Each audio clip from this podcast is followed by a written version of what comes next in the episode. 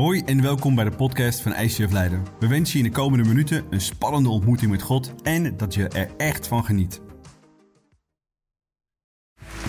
Hey, heel hartelijk welkom hier bij ICF. Ehm, we zijn ehm, vorige week sterk gestart met de Story of Christmas. Elk jaar weer gaan we zoveel perspectieven zien van Jezus. En natuurlijk ook weer dit jaar.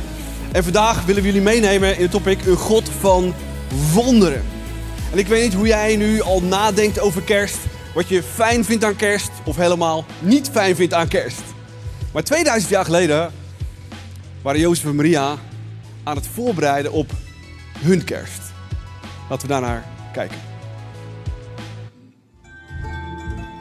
In die tijd kondigde de Romeinse overheerser Augustus een decreet af dat alle inwoners van het Rijk zich moesten laten inschrijven.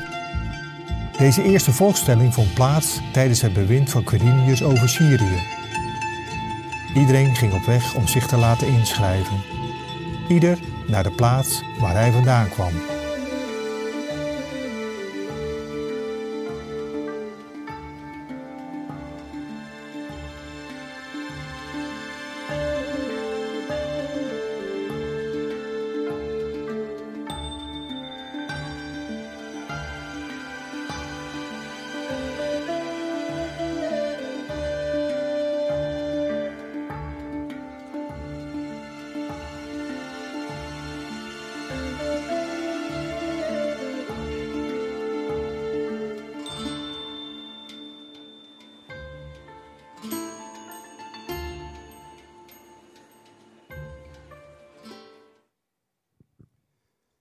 Wat zouden ze gedacht hebben? Waar ging dit verhaal naartoe? En wat voelden ze bij dat alles? In opdracht van keizer Augustus moesten ze dus naar Bethlehem om zich gaan in te schrijven, net zoals elk ieder ander. Niet wetende wat er precies voor zich lag, niet wetend wat er precies zou gaan gebeuren. Alles stond open. En wat ik cool vind is dat ze werkelijk waar niet wisten waar gaat dit verhaal naartoe. En ik weet niet wat jij bij kerst voelt of ziet. En misschien zie je al heel erg uit naar het kerstdiner met familie, vrienden, buren, goede champagne of een heerlijke rode wijn. Maar tijdens dit verhaal ontwikkelt zich een enorme storm op de achtergrond. Een storm die zo groot is En dat kan ook niet anders. Want God is hier bezig met zijn geschiedenis. En zijn geschiedenis is hij aan het schrijven. En hier vindt een van de grootste hoogtepunten plaats. En wat we van een storm moeten weten is, hoe ontstaat een storm? Nou, er zitten hier genoeg katwijkers, Rijnsburgers om te weten wat een storm inhoudt, toch? En voor een storm heb je een hoge drukgebied nodig en een lage drukgebied. En het lage drukgebied, het laagste druk die ooit gemeten is in een storm, is minder dan 900 millibar. En het hoogste wat ooit gemeten is, is 1080. Een hoge drukgebied. En het hoge drukgebied hier is wat God aan het doen is. Zijn koninkrijk komen. En er vloeit altijd wind van een hoge drukgebied naar een en hoe hoger de verschillen zijn, hoe, met z'n allen, harder het gaat waaien. Dat is wat een storm. En doe daar de Corioliskracht bij. En je ziet dan dat een storm gaat cirkelen. En hier komen twee stormen samen. De hoge drukgebied van het koninkrijk van God. En het lage drukgebied van het koninkrijk van Augustus. Want wat moeten we weten van Augustus? Augustus was een nazaat van keizer Julius Caesar. En we hebben een tijdlijn voor je meegenomen. Julius Caesar regeerde tot 44 voor Christus, totdat hij kopje kleiner werd gemaakt. Een aantal jaren later wordt dus zijn stiefzoon en geadopteerde zoon Gaius Octavianus, oftewel Augustus, neemt alle macht in. En hij regeert met zo'n gigantisch harde hand dat werkelijk waar iedereen niet doet wat hij verteld wordt. Wat gebeurt er mee? Kruisigen. De Romeinen waren de heersers en de waanzinnige mensen die zo ongelooflijk goed waren in het doodmaken van mensen. En het eerste wat Augustus deed, is Julius Caesar uitroepen tot God.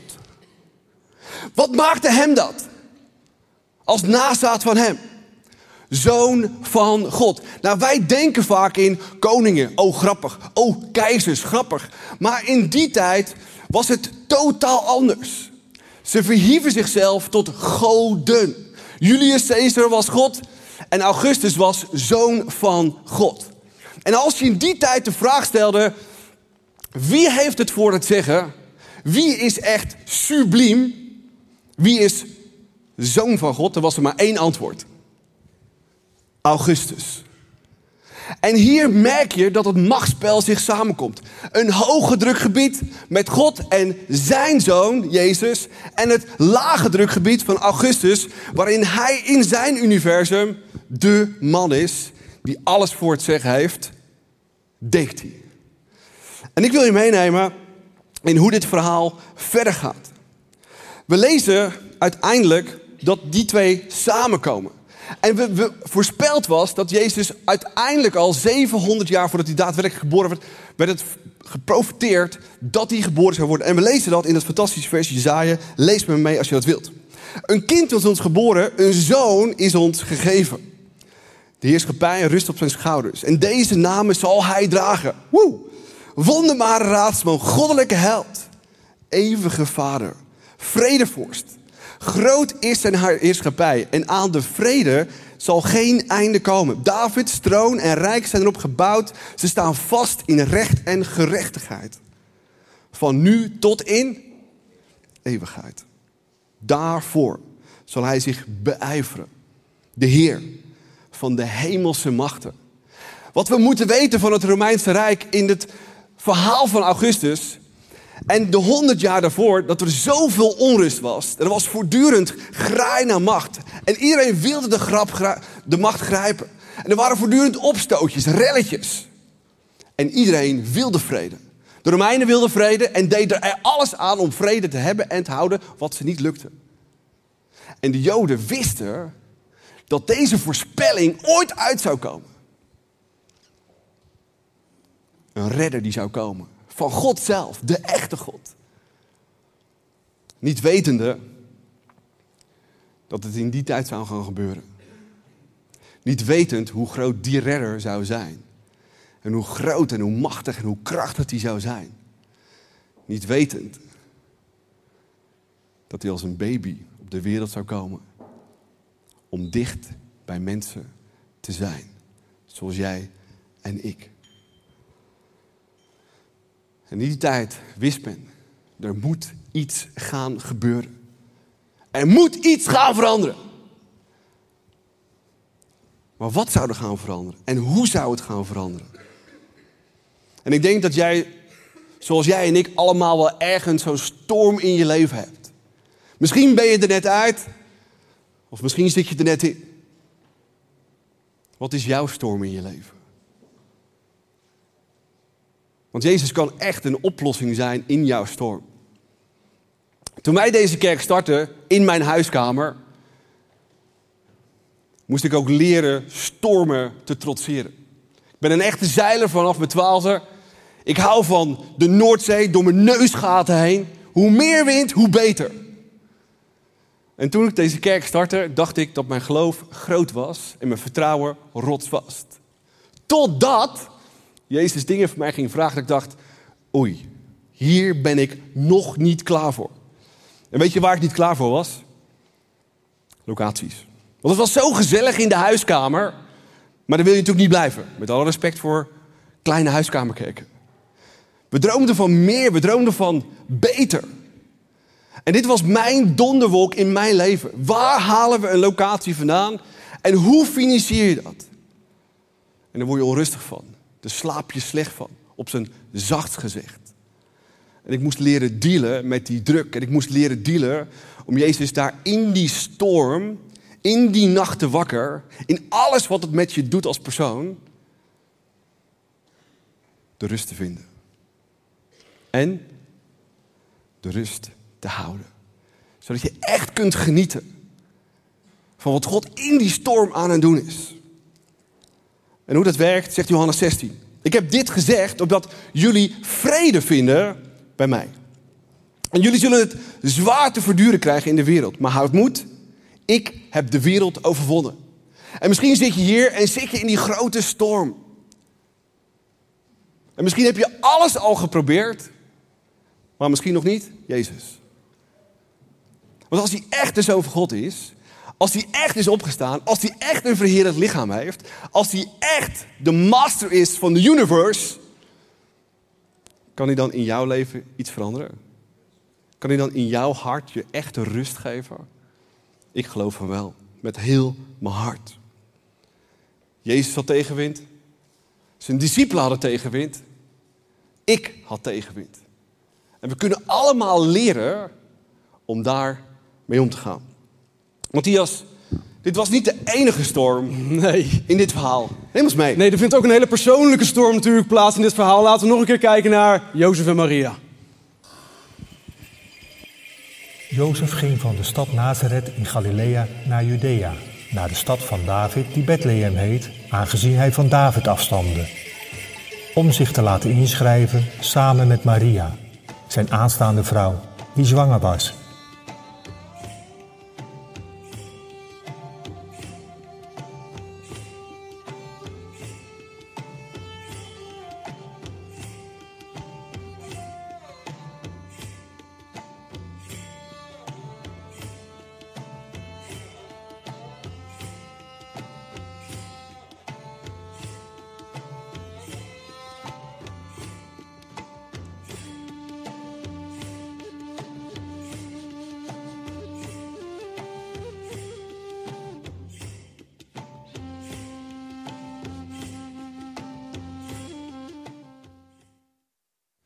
Stel je voor nog één keer met z'n tweeën erop uit. Naar dat leuke, leuke pittoreske plaatsje Bethlehem. Nog één keer met z'n tweeën die echte babymoon ervaren voordat die kleine er is. En je gaat er samen op uit met die ezel erbij. Jozef en Maria, wat waren hun plannen voor de rest van hun leven? Maria, één kind, twee, drie kinderen. Misschien nog een carrière ernaast. Leuke vent aan de haak geslagen. Jozef, die misschien ook al zag zitten om zijn eigen bedrijf op te gaan starten. Kids die op de werkplaats meewerken. Echt een grote werkplaats waar iedereen naartoe zou komen. En toen ineens kwam die storm.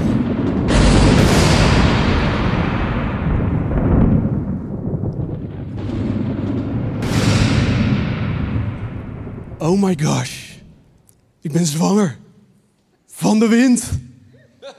En hoe ga ik dat vertellen aan Jozef dat ik zwanger ben van de wind? En Jozef zegt: Nou ja, wat zou jij zeggen als je vrouw tegen je zou zeggen: Mannen, ik ben zwanger van de wind? Kijk, wij kennen allemaal dat kerstverhaal. En dat is een mooi verhaal. Maar wij hebben één grote spoiler. We weten al lang hoe het af gaat lopen. Maar Jozef en Maria, die ervaren deze storm real life. Voor hun is dit de situatie waarin ze in zitten, middenin. Stel je voor, je hebt een duidelijk beeld voor jouw toekomst. En van het een op het ander komt die storm in je leven. Financieel bankroet, scheiding, ziekte. Neem het. Je vrouw zegt dat ze zwanger is van de wind. Hoe reageer je op het moment dat je in zo'n storm terechtkomt? Hoe deel je ermee? Zoals Jozef en Maria ermee deelden en zoveel anderen met deze topics deelden. Ik wil je meenemen in het verhaal van Jezus en zijn twaalf beste buddies. Zijn twaalf beste vrienden. Waarin hij hun iets wil leren. Waarin hij wil leren, was het verschil tussen mijn leven is één grote disaster en ik geloof niet. Tussen, ik zit in een grote storm in mijn leven, maar ik geloof dat God een wonder daarin wil doen. Lees met me mee. Aan het einde van die dag, toen het avond was geworden, zei hij tegen hen: Laten we het meer oversteken. En ze stuurden de menigte weg en nemen hem mee in de boot waarin hij al zat. En voeren samen met de andere boten het meer op. Oké, dit is een heerlijke, lekker warme zomeravond. Je zit met je beste buddies in een boot. Flesje wijn erbij, biertje erbij, stokbroodje, tapas. Het kan niet meer stuk, toch? Dit is, dit is, dit is vriendschap. Dit is heerlijk, met elkaar in die boot. Lees met me verder. Er stak een hevige storm op. En de golven beukten tegen de boot, zodat hij vol water kwam te staan. Ze stonden tot hun knieën in het water. Maar wat deed Jezus? Hij lag in de boot op een, op een kussen, comfortabel te slapen. En ze maakten hem wakker en zeiden: Meester, kan je dan niks schelen dat we vergaan? En wat je moet weten van het meer van Genezaret is dat het 200 meter onder zeeniveau ligt. Waar rondom allemaal bergen liggen en de woestijn. En de warme winden vanuit de woestijn trekken naar het meer toe. En ze vallen naar beneden, ze koelen af, waardoor er plotseling grote stormen kunnen ontstaan. Waarin schepen vergingen. Zulke stormen waren daar plotseling. In ons leven kan het soms ook gebeuren. Dat we van de ene op het andere moment in een situatie terechtkomen waar we een storm terechtkomen, in real life stormen. En Jezus zegt, ik begrijp die real life story. Ik heb ze meegemaakt, ik heb ze gezien en ik begrijp waar jij op dit moment in zit. En je boot komt misschien vol met water te staan en je loopt tot je knieën aan en je denkt, we vergaan, kom op Jezus, ga je vandaag nog iets doen of hoe zit het? En je merkt dat je cynisch begint te worden, want die man ligt met zijn hoofd op een kussen te slapen. En ik geloof dat we allemaal wel mensen kennen die op zo'n moment Jezus niet wakker maken, maar dat ze zeggen, Jezus weet je wat, ik gooi je overboord. Verdrink er maar in. Als jij ligt te slapen in mijn storm, dan hoef ik je daar niet bij te hebben. Laten we kijken wat zijn vrienden deden op dat moment. Toen hij wakker geworden was, sprak hij de wind bestraffend toe en hij zei tegen het meer: Zwijg, wees stil. En de wind ging liggen en het meer kwam helemaal tot rust. En hij zei tegen hen: Kom maar, waarom zijn jullie zo bang? Geloven jullie dan nog steeds niet? Stel je zit in die boot, helemaal in paniek. Misschien je in zo'n situatie in je leven, of zie je zo'n situatie in je leven aankomen, of zoals Arie net zei, ben je net uit zo'n situatie gekomen. Hoe reageer je op het moment dat je in zo'n storm zit in je leven? Want hoe we reageren in een storm laat zien wat we wel en niet geloven. Dat is wat onze reactie laat zien. En Jezus' vrienden doen het totaal anders. Ze gooien Jezus niet overboord, maar ze maken hem wakker en zeggen: Oké, Jezus, nu moet je wakker gaan worden. Want we hebben je nu meer nodig dan ooit tevoren. En ik geloof dat Jezus hier iets wilde leren. Of hij hun wilde laten zien of hun geloof bestond uit weten dat Jezus iets voor hen zou doen. Maar weten dat Jezus iets voor je doet, daar heb je geen storm voor nodig. Of dat er een verschil is tussen echt erop vertrouwen dat Jezus iets voor je gaat doen op het moment dat je in een storm zit in je leven. En dat hij die wonderen in je leven wil laten zien. En ik geloof dat als we nu kijken naar onze wereld, op dit moment dat we ook stormen ervaren. We hebben klimaatcrisissen die voorbij komen. We hebben oorlogen die we zien. We zien honger. We hebben dakloze mensen. En ergens doet dat wat met je. En hoe reageer je dan op als je allemaal dat op je afkomt? Als we al die stormen zien ontstaan. Welk effect heeft dat op je? En vertrouw je echt dat God overal de hand in heeft? Vertrouw je op Hem. Want met je verstand geloven is easy. Het is level 1. Level behaald. Maar echt vertrouwen dat God iets voor je gaat doen op het moment dat je in die situatie ziet, dat is next level. Level up. Dan pas ga je echt een verschil ervaren in je leven. En dat is het moment waarin je God toelaat en zegt: Oké, God, zonder u kan het niet. En nu moet u dat wonder laten zien. Het kan niet anders dan met u. Wie maak jij wakker als je de meest heftige stormen in je leven meemaakt? Als je op financiële stormen zit, als je in relationele stormen zit, als je met je gezondheid te kampen hebt. Wie maak jij wakker in je grootste levensstormen? En durf je dan echt stil te zijn en te luisteren? Als je een storm in je leven hebt, durf je dan stil te zijn? Ik wil in een storm niet stil zijn. Ik wil het uitschreeuwen naar God en zeggen: God, luister. Wat is er met mijn leven aan de hand? Wanneer ga je nou eens wat doen? En we hebben een God die zegt: Kom maar op, ik kan je hebben. Ik kan al je woede aan. Maar durf we daarna stil te zijn. En te zeggen: Oké, God, nu luister ik. En vertel me maar wat ik moet doen. En hem echt te ervaren in onze stormen. En hem echt te vertrouwen in onze stormen.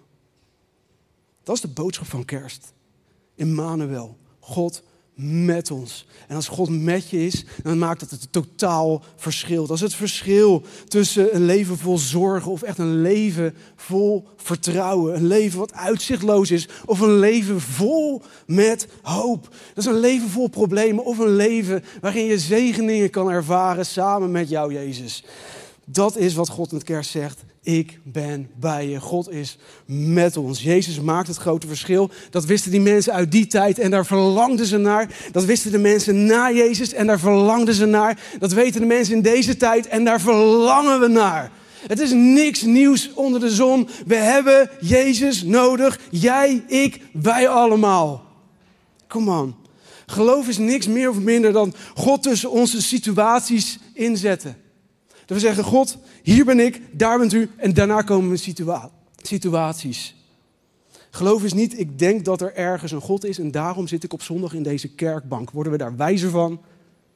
Het is wel nice. Kom maar, geef even iedereen een applaus. Elkaar, je buur, je buurman. Hoe nice om met elkaar hier zo te zitten. Maar het wordt pas echt. Het wordt pas echt als we geloof gaan toepassen, als we in actie komen, als we Jezus in actie gaan zien. Geloof is actief. En echt Hem actief te vertrouwen in al onze situaties. Ari, hoe kunnen we daar echt mee dealen met onze emoties, met onze pijn doen, dat Hij echt dat verschil kan maken voor jou en mij? Ja, ik hoop dat je geleerd hebt, of misschien nog niet geleerd hebt, om echt al je emoties bij Jezus uit te storten. Ik ben twintig jaar getrouwd met mijn Mirjam. En mijn vrouw kan niet alles aan wat ik soms op mijn hart heb. Ze geeft het toe. Maar Jezus, die kan exact aan wat ik op mijn hart heb. Mijn emoties. En jouw emoties en jouw storm. Maar de vraag is, hoe groot is Jezus in jouw wereld? In jouw storm? En daar zit vaak ook het probleem. En dat was ook mijn probleem. Ik ben opgegroeid in een traditionele kerk. En elk jaar weer vier ik Jezus. Oh, die lieve, schattige. Oeh, baby. Oh. En daar bleef het bij. En laatst sprak ik hier iemand. Een jonge kerel van 22. En die zei, Ari, ik kom hier nu een jaar in deze kerk. En ik kom eigenlijk al mijn hele leven in de kerk. Maar ik ben erachter gekomen dat ik geen relatie met Jezus heb. Vaak weten we van Jezus. We vieren Jezus. Maar wat we daar nou letterlijk mee moeten doen, nobody knows. En Jezus wil zo dichtbij komen. In jouw storm, in jouw emoties. En misschien heb je het nooit geleerd. Maar wat zou er vandaag veranderen? Als je misschien met angst en beven het misschien toch durft om Jezus zo dichtbij te laten komen. In jouw storm, in jouw emoties. Wat is jouw storm? Waar zie je tegenop? Waar kom je uit? Of waar ga je de komende tijd wel in? En durf je niet te vertrouwen op een lief, schattig babytje, maar durf je echt te vertrouwen op de Zoon van God, die opstond uit de dood. Een verheerlijk, machtig lichaam heeft. Met kracht die oneindig is. Waarom? Omdat hij Zoon van God is. Wat heb je ervoor nodig? Zo'n klein dingetje maar. So easy. Not so easy. En als we bij die kleine, lieve, schattige baby blijven, dan zullen onze problemen misschien alleen maar groter worden. En dan zeg je misschien wel, wat ik heel veel mensen hoor zeggen, ik ben al twintig jaar volganger. Voor mij werkt het niet. I know. Omdat we het weten. Maar we trekken Jezus als persoon niet dichterbij. Jezus, dit is mijn issue. Ik trek het niet meer. En ik heb uw rust en ik heb uw leiding. En ik heb alles nodig wat alleen u mij kunt bieden. Uiteindelijk gingen we uit die huiskamer vandaan. In een fantastisch theater. We hebben negen jaar ingezeten. En toen kwam corona. Boom. Misschien wel net zo hard in jouw leven als in mijn leven. En we moesten dat theater uit. We gingen naar een grote hal.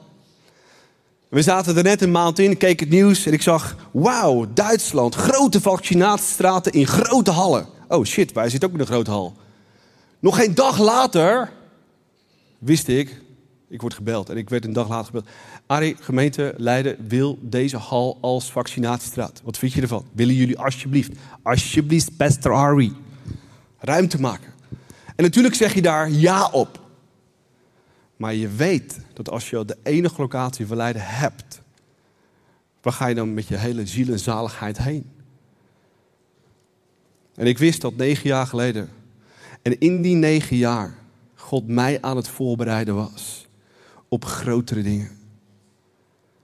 En soms vragen we onszelf af, ja, maar waarom ga ik dan van storm naar storm naar storm? Doe ik dan iets fout? Nee, je doet iets goeds. God maakt je niet klaar voor één klein ding. Nee, hij maakt je klaar voor een grote ding en een grote ding en een grote ding en een grote ding. Normaal, ik ben een echte zeiler. Liefst windkracht 8, dan wordt het pas leuk, toch? Ik ben naar Engeland gezeild met vrienden. Ik heb twee keer rondje test gezeild. NK's, WK's, EK's. Hoe meer wind, de beter. In de trapeze en adrenaline door je been heen. Dat het helemaal eng wordt en spannend. En hoe je weet, hoe meer wind er komt, dat er ergens iets kan breken. Materiaaltest noemen we dat. En als je dan zo aan het zeilen bent, met zoveel wind, dan weet je voortdurend ergens in je achterhoofd, er kan ergens iets breken. Ik vind dat cool. Oké, ik ben een keer letterlijk bijna verdronken daardoor. Maar de Heilige Geest gaf me een helder moment om in al die touwen boven water te komen. En Jezus die gaat je storm na storm na storm geven. Waarom? Omdat hij van je houdt. Hij wil je testen. Is dat dan een vervelend God? Nee. God is zo verschrikkelijk groot en liefdevol. Dat hij je dingen in je leven geeft die taf zijn. Dan is de grote vraag. Als het dan zo taf wordt als voor mij of voor ons als kerk, inmiddels drieënhalf jaar geleden, dat je in anderhalf jaar tijd vijf keer moet verhuizen. Dat je zelf game over bent, mentaal, fysiek, je hele team. Er gaan mensen onderuit, mensen in burn-out. Weet je wat het met je doet? Weet je wat het met mij doet? Kijk, vleeselijk gezien zou ik weg willen rennen. Jezus, succes met je kerk. En sommige mensen vragen, Ari, wat, wat, voel je erbij? Nou, uh, in die eerste negen jaar kerkbouwen wilde ik al duizend keer opgeven. En ik denk in die anderhalf jaar tienduizend. Maar weet je wat? Ik deed, ik deed het niet. Weet je waarom? Omdat Jezus mij niet vertelde om uit te stappen. En als hij mij niet vertelt om uit te stappen, weet je wat ik dan doe? Ik ga op mijn knieën. Dat is het enige wat ik kan doen. Het is wel het beste wat je kan doen. Om dan te ervaren in jouw storm dat je zoveel rust en zoveel vrede, maar ook zoveel leiding ontvangt. En precies dat is wat Jezus jou wil geven. Jezus had niet zo heel veel problemen, weet je waarom? Omdat hij elke dag op zijn knieën zat. En elke dag bad. Wij hebben vaak heel veel problemen. Weet je waarom? Omdat we niet zo heel veel bidden. Jezus wil dichterbij komen. In jouw storm. In jouw leven. De sleutel? Een relatie met Hem. Ik was 14 jaar toen ik op mijn knieën ging. En elke dag ben ik hem dankbaar dat hij bij me is. Dat hij door me heen werkt. En me exact geeft wat ik nodig heb. En als hij dat bij een simpele ziel van twee meter als ik kan doen, dan kan hij dat bij jou ook doen. In Matthäus staat het volgende. Ieder die mijn woorden hoort en doet wat ik zeg, lijkt op iemand die zo verstandig was zijn huis te bouwen op een rots. De regen viel neer, de rivieren traden buiten de oevers, de winden waaiden en beukten tegen het huis. Dit is jouw storm. Dit is jouw situatie. Maar het stortte niet in. Want het was gebouwd op een rots. En ieder die mijn woorden hoort, maar niet doet wat ik zeg, lijkt op iemand die zo dom was, niet zo slim dus, zijn huis te bouwen op zand.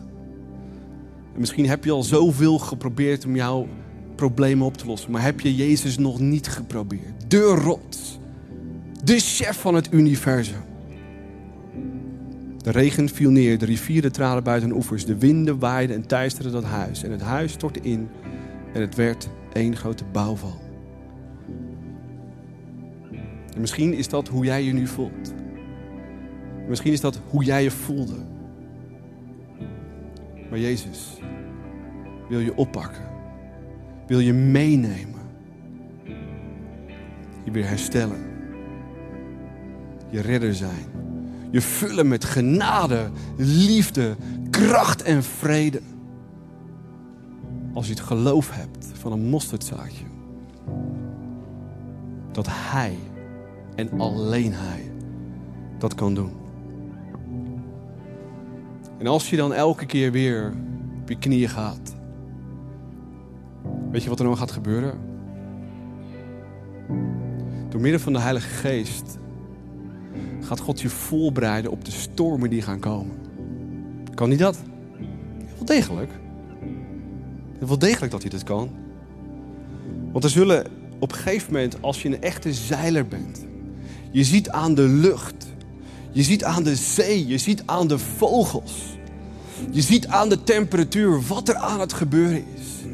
En God wil je die geestelijke ogen geven, zodat je aan gaat voelen wat er aankomt.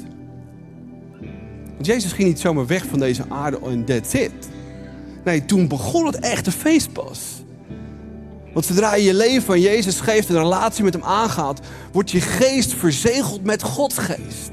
Je komt letterlijk in lichte laaien te staan. En zoveel mensen hier hebben dat al ervaren. En die geest geeft je rust, kracht, leiding, troost en alles wat jij nodig hebt. Doe het laatste vers lezen met z'n allen. Zo'n zachte, prachtige psalm staat woord rustig en weet dat ik God ben. Ik ben de hoogste onder alle volken. En ik hoop in jouw leven. De grootste op de hele aarde. De Almachtige Heer is met ons. De God van Jacob beschermt ons. Beschermt jou en mij. Maar durf je Jezus toe te laten? Durf je Hem zo dichtbij te laten komen? Dat je zijn adem voelt, zijn liefde door je heen gaat stromen, zijn warmte van zijn lijf ervaart in jouw storm. Jezus is echt. En hij houdt van jou onvoorwaardelijk. Wie je ook bent. Wat je ook op je kerfstok hebt. Jezus houdt van je. En hij wacht vandaag op jou. Totdat je armen opent en zegt: Kom binnen. Ik heb je nodig. Zullen we dat samen doen? Zullen we dat staan doen? Wees dank u wel voor wie u bent. Dank u wel voor het verhaal voor Jozef en Maria. Dank u wel voor het grotere machtenspel wat we daarin zien. En ook zij hebben moeten leren rust te vinden bij u. En soms voelen we de krachtenspel van de wereld ook om ons heen. Met oorlogen. Met corruptie. En dingen die ons verstand en ons hart niet meer kan verdragen wat er in de wereld gebeurt. En we hopen en bidden maar één ding. Dat dit de voorweeën zijn dat u eindelijk eens een keer terugkomt. Maar tot die tijd willen we één ding doen. Dichter bij u komen. zodat u dichter bij ons komt. Jezus, dank u wel dat u onvoorwaardelijk aan een kruis stierf. Voor ons, voor mij. En misschien ken je Jezus al ontzettend lang van naam, misschien van gewoonte, misschien van religie. Maar heb je nooit persoonlijk tegen hem gezegd: Jezus, ik hou van u. En ik, en ik heb u nodig in mijn storm, in mijn leven. Niet alleen vandaag, maar morgen en overmorgen. En ik weet dat u mij misschien wel nieuwe stormen gaat geven om me sterker te maken, me te laten groeien. Zodat u mij voor elk groot werk kunt gebruiken. Want u heeft ergens het plan gevat om door mensen heen te werken. Ik snap daar persoonlijk niets van. Als u die keuze gemaakt heeft, dan ziet u ons als zo ontzettend waardevol dat u uw leven daarvoor wilde geven. En als je nog nooit zo'n moment gehad hebt in je leven waarin je je leven aan Jezus wilt geven, waarom niet nu? Waarom niet vandaag? Zodat deze kerst de rest van je leven anders maakt. Het is vrij simpel en bid mee in jezelf als je dat wilt. Jezus, ik weet nog niet alles van u, maar ik weet één ding. U houdt van mij. U bent de Heer, de chef van het universum.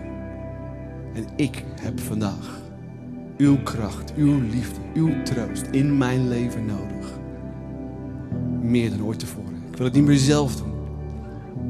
Wil het ook niet buiten u doen. Ik wil u in mijn leven. Jezus, vergeef het dat ik soms andere dingen geprobeerd heb. Maar kom in mijn leven. Ik geef mijn leven aan u. En Jezus, verzegel mijn geest met uw Heilige Geest. Zodat ik uw kracht en uw troost en uw leiding en uw vriendschap elke dag kan ervaren. Want ik wil niet meer zonder u. Ik wil met u.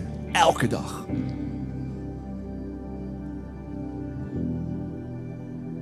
Misschien heb je lang, lang, lang geleden je leven aan Jezus gegeven, maar je de frisheid kwijt.